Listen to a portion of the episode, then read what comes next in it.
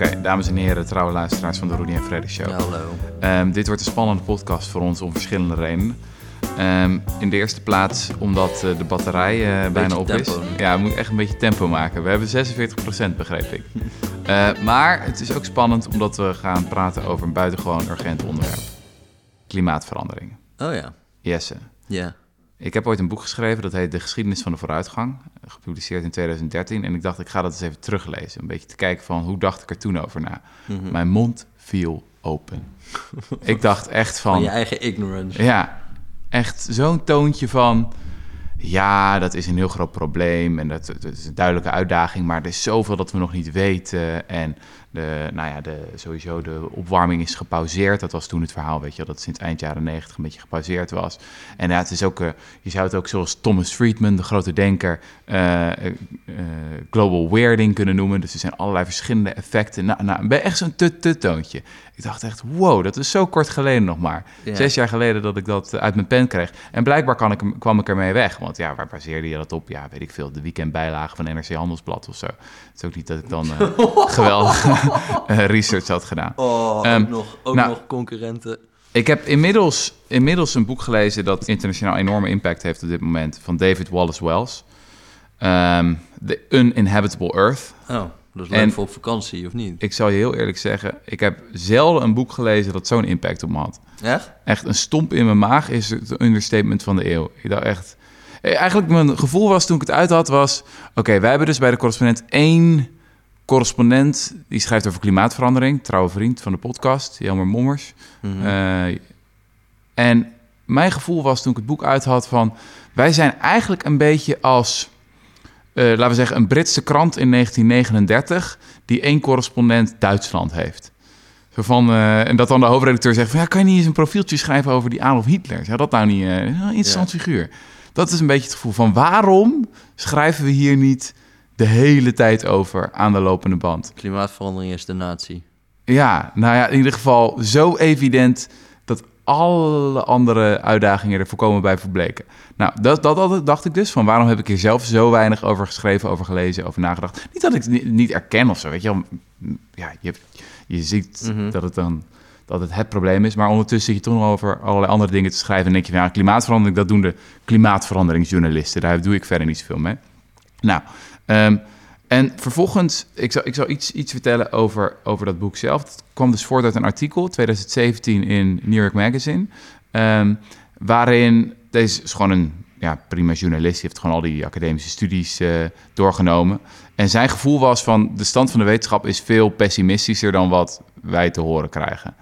Ehm, toen heeft hij dus een artikel geschreven wat met name gaat over worst case scenario's. Mhm. Want ik bedoel, het is enorm veel onzekerheid. Je kan, weet ik veel, eh 2 graden hebben, je kan 4 graden hebben, je kan 6 graden hebben. Maar goed, er is een, volgens het IPCC, weet je, de VN, al die, het, het, eh, de club van wetenschappers die hier hard over nadenkt. eh, die erkennen ook van het kan wel eens helemaal uit de hand lopen als een paar dingen net verkeerd vallen. Dus hij had daarop gefocust. Nou, en dat is echt helemaal, dat is gewoon een totale hellscape, krijg je dan. Ehm, en vervolgens was er een, eh, storm van kritiek op dat, op dat artikel in 2017. Eh, ook vanuit de nou ja, mensen die zich zorgen om- maken om het milieu, om klimaatwetenschappers. Maar wat was de kritiek? Het was niet dat het niet klopte. Eh, hij heeft later nog een geannoteerde versie gepubliceerd en was van ja, nee, ja, nee, ja, nee, is eigenlijk wel vrij feitelijke weergave van ongeveer de stand van de wetenschap en, en hoe erg het uit de hand kan lopen. En zelfs trouwens, wat nu voorspeld wordt, 3, 4 graden scenario aan het eind van de eeuw, is al redelijk verschrikkelijk. Eh, en dat is gewoon, ja, wat, hoe zeg je dat? Middle of the road scenario. Ehm, maar de kritiek was, je maakt mensen bang. Dit werkt niet. Als, als je dit soort artikelen, dan stoppen mensen hun kop in het zand en dan... eh, ja, dat is niet. Er is onderzoek naar gedaan door sociaal wetenschappers, door wetenschapscommunicatie. Nee, je moet niet zo over klimaatverandering schrijven, want dan. eh, ik dacht echt, ik ben opgelicht. Ik ben voorgelogen. Ze hebben me gewoon niet. Weet je, als dit een Ja. reactie is van wetenschappers van nee, we kunnen, konden het Rutger niet vertellen, want we dachten, we waren bang dat, Dat Rutger dan aan, cynisch zou. Die kan dat niet aan. Ik denk, wat denk eens dat ik ben? Een soort van kleuter of zo. Ja. Nou, dat dacht ik. Ehm, vervolgens heb je echt van die killerstatistiekjes. Van, ehm, de schaal van het probleem. We hebben in de afgelopen 30 jaar, die vond ik de hardste. Maar in de afgelopen 30 jaar hebben we 50% van de CO2 uitgestoten. Die we gewoon in de afgelopen Ooit. eeuw hebben gedaan. En dat is dus sinds het eerste rapport van het IPCC over klimaatverandering. Dat we het erkenden dat het gewoon de het. uitdaging is. We, We wisten het. Ehm, en we hebben nu nog, nou, pak een beetje ongeveer nog 30 jaar om het op te lossen. Eh, en oh ja, eh, het is ook niet een tijdelijk effect. Dus het, die aarde warmt natuurlijk gewoon door. Dus wat, in die CO2, wat al in de atmosfeer zit, dat blijft de boel gewoon lekker opwarmen. Dus we hebben het altijd soort van over, weet ik veel, 2050 of 2100, alsof de tijd daarna stopt. Nee, dat gaat nog eeuwen zo door. Mhm. Dat gaat nog eeuwen door. Nou, en eh, dan nog even de schaal van uitroeiing erbij. Alle diersoorten gaan dood. Er zijn zes extincties geweest in de hele wereldgeschiedenis. Eentje had met een meteoor te maken. Vijf met klimaatverandering. Jongen, jongen, jongen, jongen. We dit moeten... Nou goed. Dat maar is een dit, beetje... dit is al in de worst case scenario's? Of, eh, Nee, nee, nee, nee, nee. nee. We, dit bedoel, is we hebben, sowieso zo. we hebben 50% uitgesteld. Dat hebben we al gedaan. We zitten al over... eh, de, nee, maar ik de- bedoel al die dingen met dieren die allemaal doodgaan. Nee, dat is nu gewoon al aan de hand. Dat is nu aan de hand. Ja. Oh. Ja. Ja. nee, dat weet ik. Maar Ja, ja, ja. Dus eh, ja, goed. Er zijn natuurlijk heel veel mensen die het luisteren die denken: hè, hè, Brechtman is ook een keer wakker geworden of zo. Het is niet alsof je dit niet wist. Dat wist je allemaal. Maar ik vind het zo. Vooral dat ding van waarom. Hoeveel podcasts hebben wij gedaan over klimaatverandering? We hebben een paar gedaan met drie. Ja. ja, jij wil de helft nu. Nou ja, ik had wel zoiets van. En sowieso de, de manier waar we erop over praten. Dus het is heel veel klimaatverandering wordt omgeven door wat, je, wat ik de politiek van de zonde zou willen noemen. Dus doen we bij de correspondent ook heel veel. Jij mag niet meer vliegen. Jij moet stoppen met vlees eten. Weet je wel? Alsof je een soort van met individuele keuzes. Ja, dat was ik, ja. ja. Maar trouwens niet met klimaatverandering als, als argument. Maar met eh, eh, dieren. afschuwelijke dierenmishandeling... die vergelijkbaar is met de slavernij en uh, genocides en Oké. zo. Ja, Leuk voor een andere podcast. ja andere misschien. podcast. In ieder geval, ehm, hoeveel batterijen hebben we nog? Eh, ehm, 39. ja, nee, niet die, niet die politiek van de zonde. Ehm, zo, dit is, het is zo duidelijk dat je een transformatie van de hele economie nodig hebt... die nog nooit eerder vertoond is in vredestijd. Weet je? je moet dingen gaan doen die je normaliter in een oorlogseconomie eh, alleen kan doen. En dan de manier waarop we erover discussiëren is echt van... ja, de energierekening is iets te hoog uitgevallen of zo. Of Ja. eh, het is echt de, de paar miljarden waar je het dan over hebt. Terwijl je moet in zo korte tijd moet je zoiets groots neerzetten. Mm. Het moet echt de delta werken keer tien worden of zo. Mm. Ja, nou ja, reageer. Jij bent... nee, ja, weet je wat ik altijd interessant vind is ook als je, als je die, zeg maar, die gemiddelde scenario's ziet van klimaatverandering. Ik ken alleen die economie kant, zeg maar. Mhm. Dan denk ik altijd, nou, valt mij eigenlijk nog wel een beetje mee. Dus dan Mhm. krijg je gewoon 25% minder groei tegen 2100 of zo. Als het 2,5 graden is. Mhm. Nou, nee, dat is wel erg, maar dat is niet zeg maar dat ik denk alles gaat naar de tyfus apoca- apocalyps. Maar misschien moet je het ook dus helemaal niet zo benaderen, maar moet je gewoon kijken van de economen zeggen als het meer dan 6 graden wordt, kunnen wij er niks meer zinnigs meer over zeggen. Eigenlijk al bij 4 graden wordt het al heel lastig. Ja, Dus waarom zou je het niet zien zoals elke verzekering die je afsluit op iets? Van de kans dat alles helemaal naar de kloten gaat is klein, laten we zeggen 10%, 15%. Mhm. Ehm, ja, wil je dat risico nemen? Gewoon een ja. totale apocalyps. Maar ja. Ik, eh, dat, vind ik, dat vind ik heel raar. Dat Ja. mensen er zo raar naar, raar naar kijken van... Als, dat, als die kans dus zo groot is, dat het helemaal misgaat... dat je dan daar gewoon maar mee wil gaan spelen... en dan gaat zeggen van dit, het valt allemaal wel mee. Ja, wat een we hebben- premie mensen normaliter zouden willen we- betalen voor een 10% kans dat je doodgaat of zo. De premie zou gigantisch zijn waarschijnlijk die mensen willen Ja betalen. man, tuurlijk. Ja, de kans dat je huis in de fik vliegt... is er nog wel kleiner dan dat je in zo'n scenario Ja. terechtkomt, toch? Ja, inderdaad. Dus, ehm, dus, maar dat is ook grappig. Zo gebruiken ze die onzekerheid heel vaak. Mhm. Van de rest er onzekerheid over welke kant op gaat. Oké, prima. Onzekerheid is er, maar die is er ook aan de bovenkant. Mhm. Als die er aan de onderkant is, is er ook aan de bovenkant. Dus het kan ook veel hoger uitvallen. En wat dan? Ja. Ik vind dat juist, zeg maar, die onzekerheid vind ik geen argument tegen iets te doen. Het is juist een heel erg argument om helemaal in actie te gaan komen. Ja, ja. Jezus, daar ga je toch niet mee spelen? Die Nee, en wat ik me ook realiseerde na het lezen van onder andere dit boek... en trouwens ook het boek van Jelmer Mommers... dat eh, nog veel beter is, kan ik je vertellen. Oh. Dat van David eh, Wallace Wells. Eh dat komt in juni uit. Ehm, is gewoon de vertraging ook in de discussie erover. Dus het IPCC publiceert het pas als er echt gewoon helemaal wetenschappelijke consensus is. En tegen de tijd dat er wij wat over horen, is het nogal weer wat eh, vertraagd. Eh, dus dat zijn conservatieve rapporten. En onze discussie is vervolgens de hele tijd over... houden we het binnen anderhalve graad of binnen twee graden of zo. Terwijl je hebt het echt al, zoals, we nu, zoals het nu gaat... kom je echt op drie, vier graden uit. Ehm, en eh, ja, als je dan naar mondiale emissies kijkt bijvoorbeeld... het enige wat heeft gewerkt in de afgelopen decennia... om de emissies op mondiale schaal terug te dringen... het enige was de financiële crisis. Ja. Dat is het enige dipje in de grafiek wat je ziet op mondiale schaal. Mhm. Ja, en dan zitten wij nog een beetje te, te mompelen over de energierekening of zo. Ja. Ik vind het wel. ja, ja, ja, ja. Ja, Dus ik denk dat ik mijn leven ga veranderen. Ik denk dat ik me maar over één onderwerp ga schrijven, de rest van mijn leven.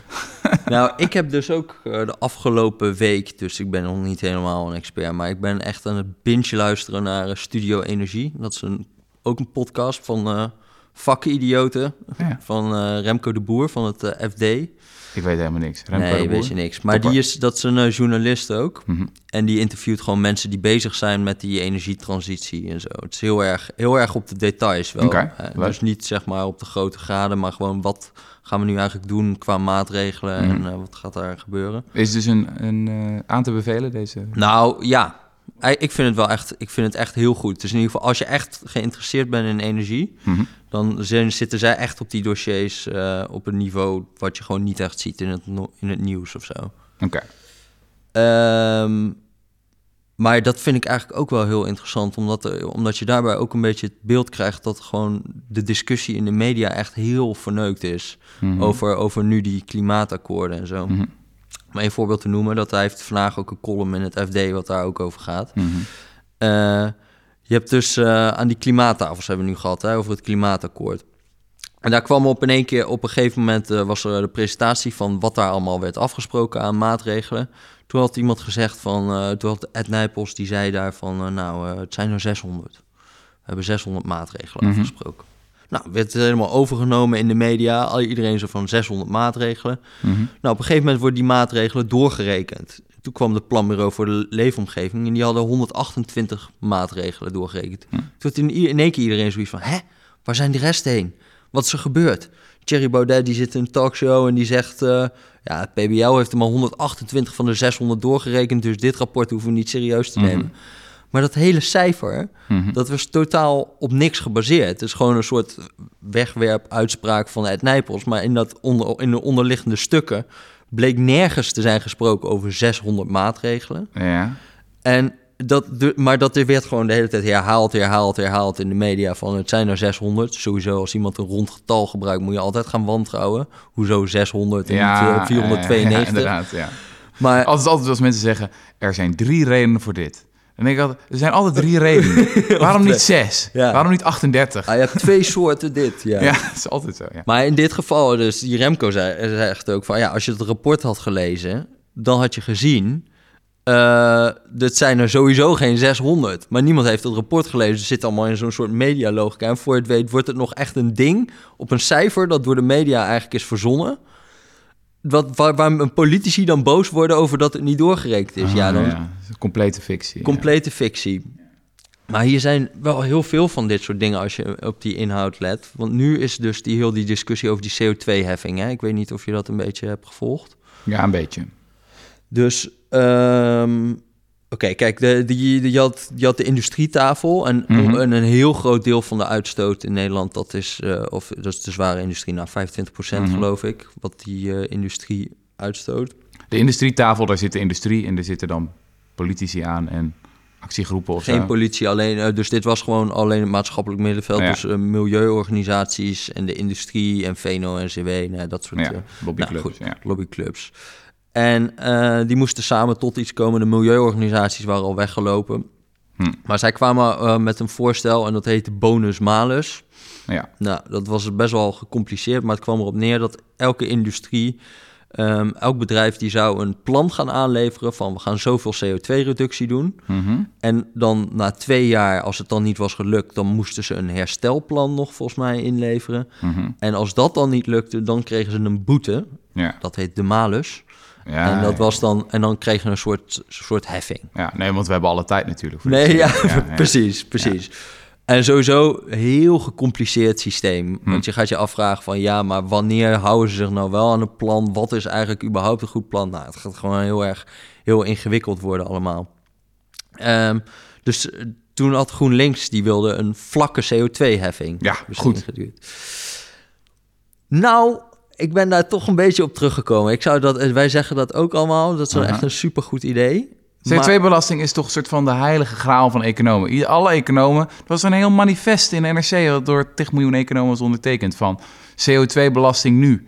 Het, ze stonden Ja. al bijna met de zwarte vlag op het Malieveld voor die, voor die CO2-belasting. Dat is toch het mooiste wat er is. De meest elegante oplossing om... Ja, misschien ben ik echt vervuild door die, door die podcast van eh, industrievriendelijke mensen. Maar ik heb het idee dat we daar helemaal mis zitten. Oké. Want, kijk, het is een beetje een, een laf argument, maar het is echt zo dat gewoon al die, al die, al die industrie, die concurreert ook met het buitenland. ja. Dus als... En de vraag is natuurlijk, als je hier bijvoorbeeld... Een voorbeeld, Tata Steel. Dat is een van de grootste eh, staalfabrikanten. Die, of die, die doen heel veel uitstoot hier. Heel erg verantwoordelijk voor heel veel uitstoot. Maar per ton staal die ze maken... zijn zij veel efficiënter dan heel veel eh, eh, buitenlandse Ja, fabrieken. ja, Dus relatief gezien zijn ze heel zuinig. Relatief gezien zijn ze heel zuinig. Maar stel je voor dat we die helemaal uit de markt prijzen... door een enorme CO2-heffing op te leggen aan, ze, aan hen... Ja, dan verplaatsen ze productie naar, weet ik veel, India of zo. Daar Is dat zo makkelijk dan? Nou, niet om de hele fabriek op te doeken... maar wel om de schuif een beetje terug te draaien... en elders wat aan te draaien. Hm. Dus je gaat gewoon iets minder produceren hier en elders meer. Maar dit is het Nou- klassieke argument van mensen, ook rondom belastingontwijking. Van het perversiteitsargument. Precies. Je kan dit proberen, maar het werkt niet.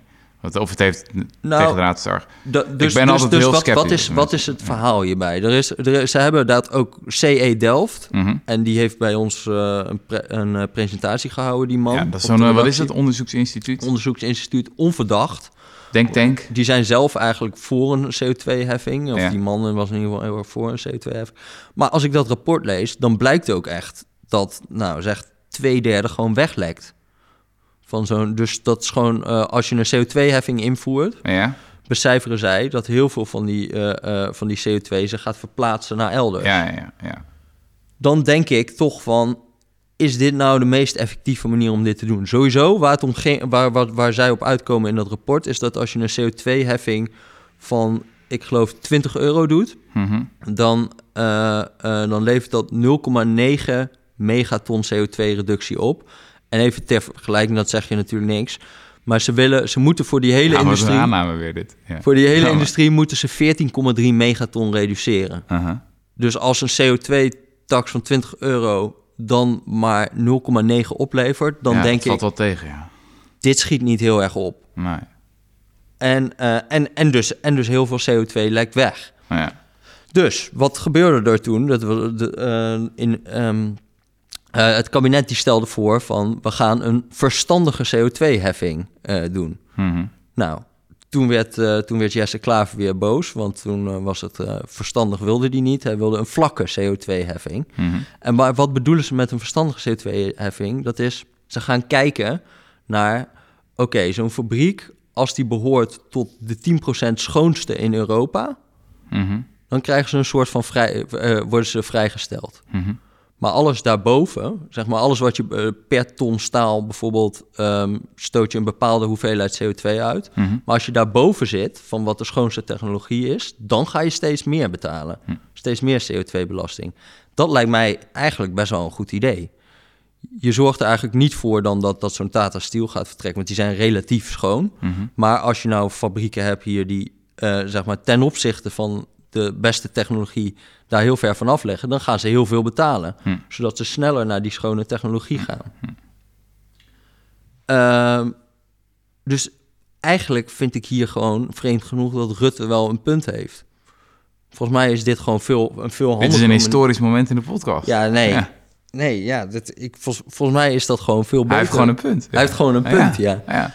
En wat daar ook nog bij komt, wat, wat ik dus ook gek vind, wat niet wordt. eh, dat vind ik trouwens van een populisme. Dat is gewoon heel. eh, Dat, dat die Jesse Klaver, die wil dus dan, die zegt dan van ja, we gaan dus de industrie, die gaan we dan eh, een enorme CO2-heffing opleggen. En daarmee gaan we de energierekening van mensen omlaag brengen. Mhm. Ja, sorry hoor. Maar dat vind ik dus heel irritant. Want die energierekening die moet helemaal niet omlaag. Nee. Die moet omhoog. Dat is het hele fucking idee, toch? Ja. Je moet de mensen meer gaan laten betalen... zodat ze minder gaan gebruiken. Ja. Maar nu komt er een soort van ehm, identiteitspolitiek over... de industrie vindt niks, dus het zal wel goed zijn. Van we moeten de industrie gewoon straffen... en daarmee kunnen we heel die energietransitie doen... en burgers die hoeven eigenlijk niks te betalen. Ja. Die kunnen we helemaal gaan ontzien. Ja. Ja, dat is, dat is gewoon heel irritant, want, want daarmee schep je totaal verkeerde verwachtingen. Ja. Ja. Iedereen die moet zich gaan aanpassen, echt niet alleen die industrie. Nee. En daarbij, dat, dat, dat vind ik dus ook iets wat gewoon mist.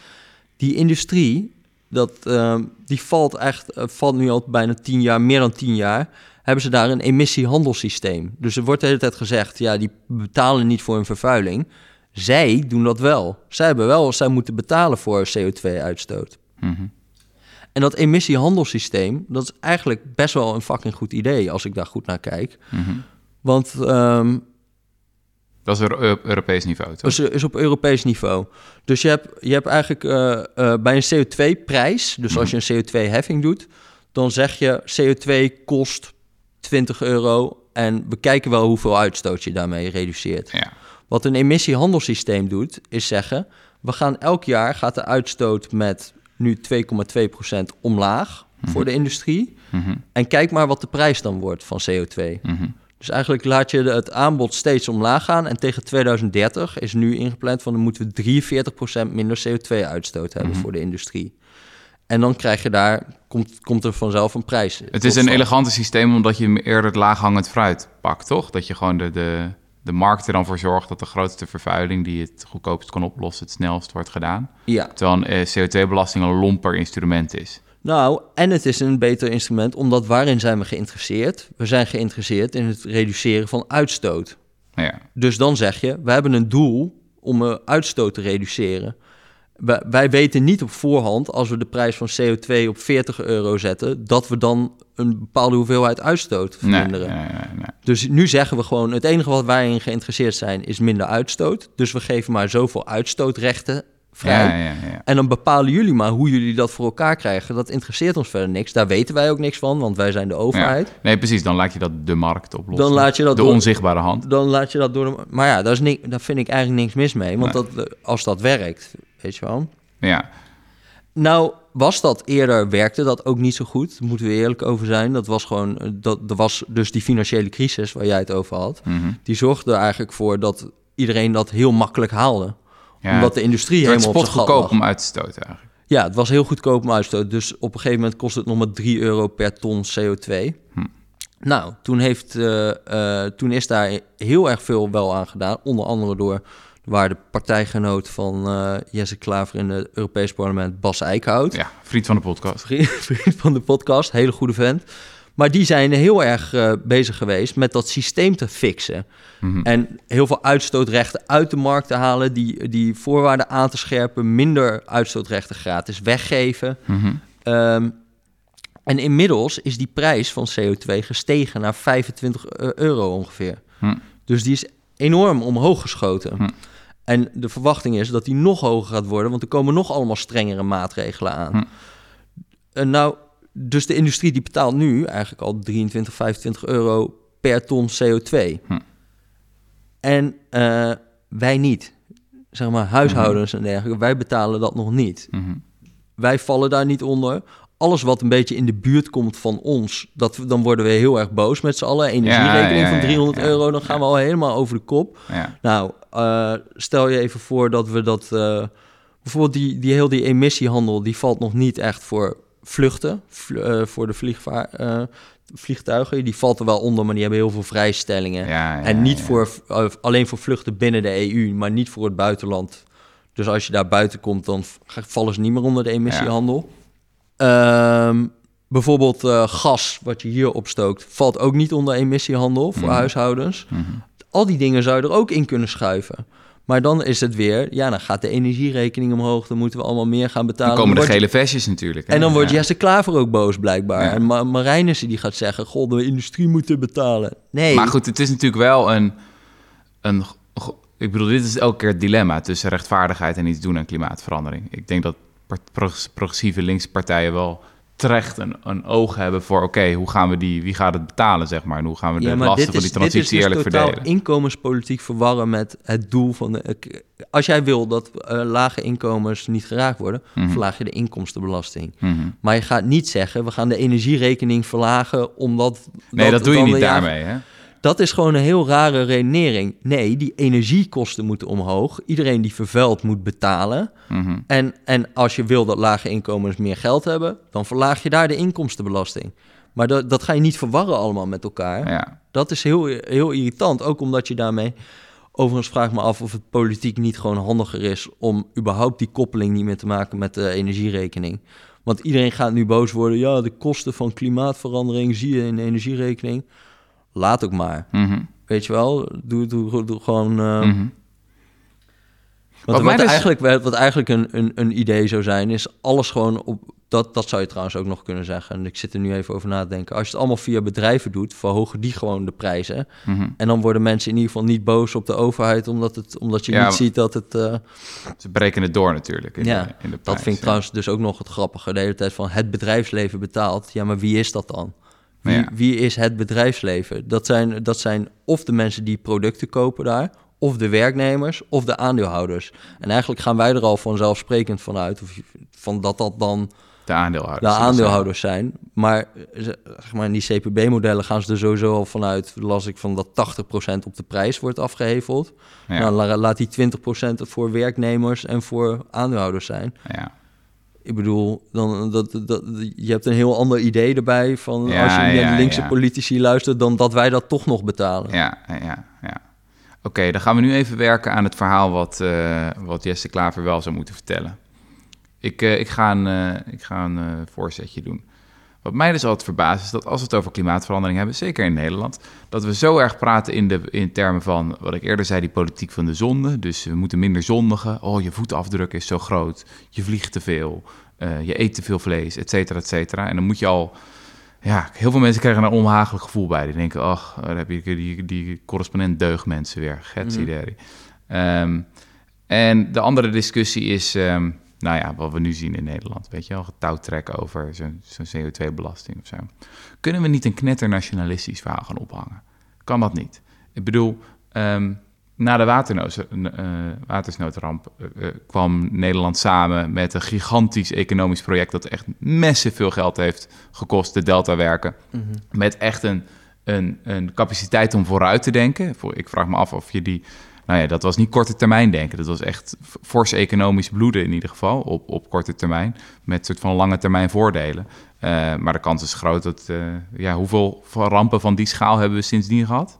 Überhaupt één? Ik zou het niet eens weten. Nee. Maar in ieder geval echt een grote investering in de lange termijn. En mensen zijn- er knetter trots op. Weet je wel? Delta-werk is helemaal identiteit van Nederland geworden. Waarom kan er niet zo'n verhaal opgehangen worden? Zoals iemand nu in, eh, in de VS eh, probeert als Alexandria Ocasio-Cortez... die het dan koppelt aan de New Deal. Wat ook zo'n weet je, wel, een historische trots is. En dan wordt het de Green New Deal.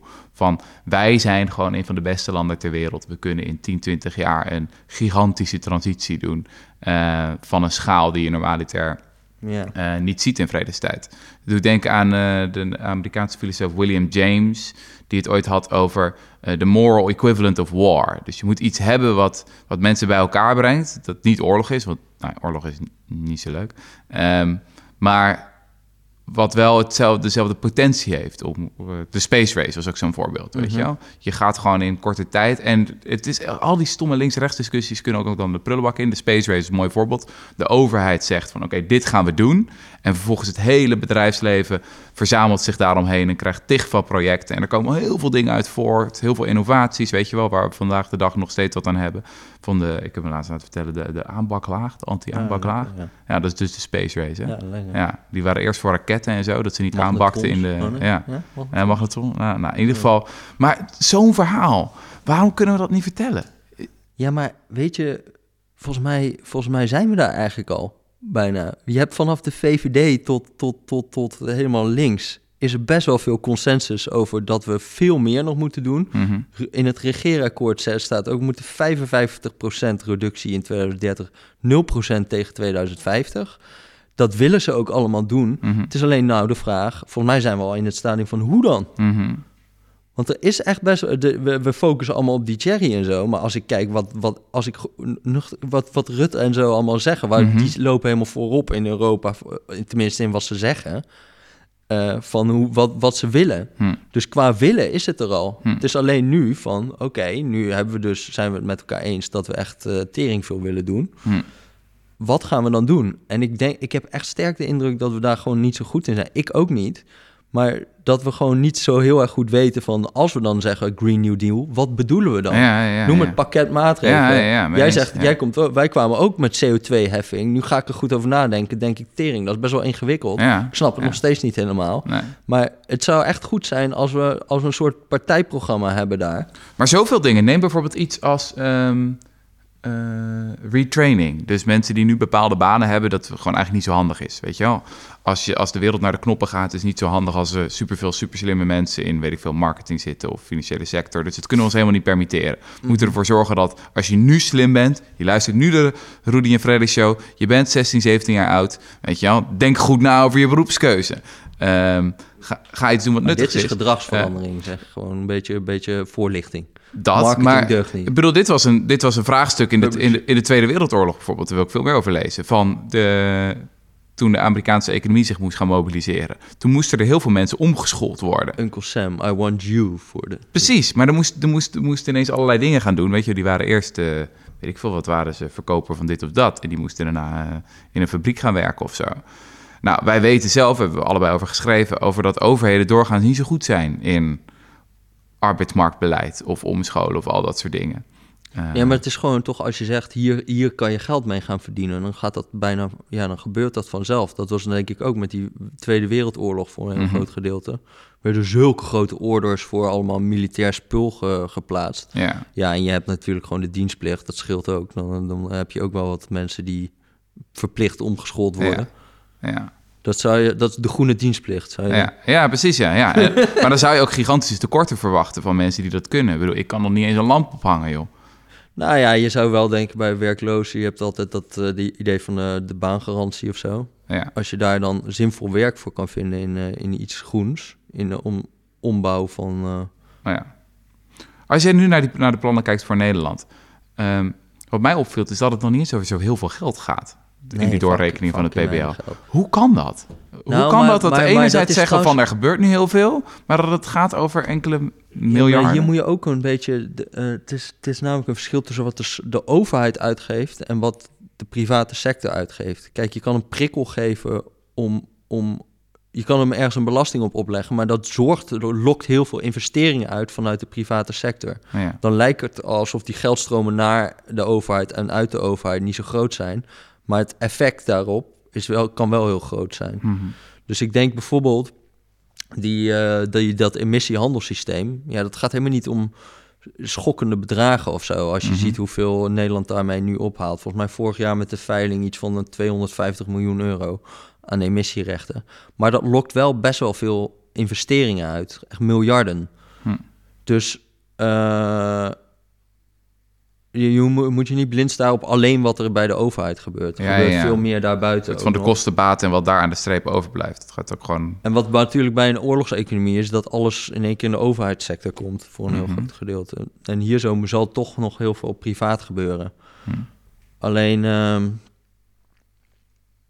ja, ik heb gewoon sowieso niet zo'n goed zicht op wat, hoeveel, het nou allemaal, hoeveel geld er nou eigenlijk eh, allemaal uit en ingaat. Ja. Maar inderdaad, die, dat klimaatakkoord, ja, dat is eigenlijk belachelijk om te zeggen dat dat nou, eh, dat dat nou een, eh, zo'n enorme kostenpost is voor de overheid. Ja, Dat, ja. dat viel allemaal heel, mee, heel erg mee. 5,5 miljard geloof ik ja. aan uh, uitgaven. Het is eh, drie keer de dividendbelasting.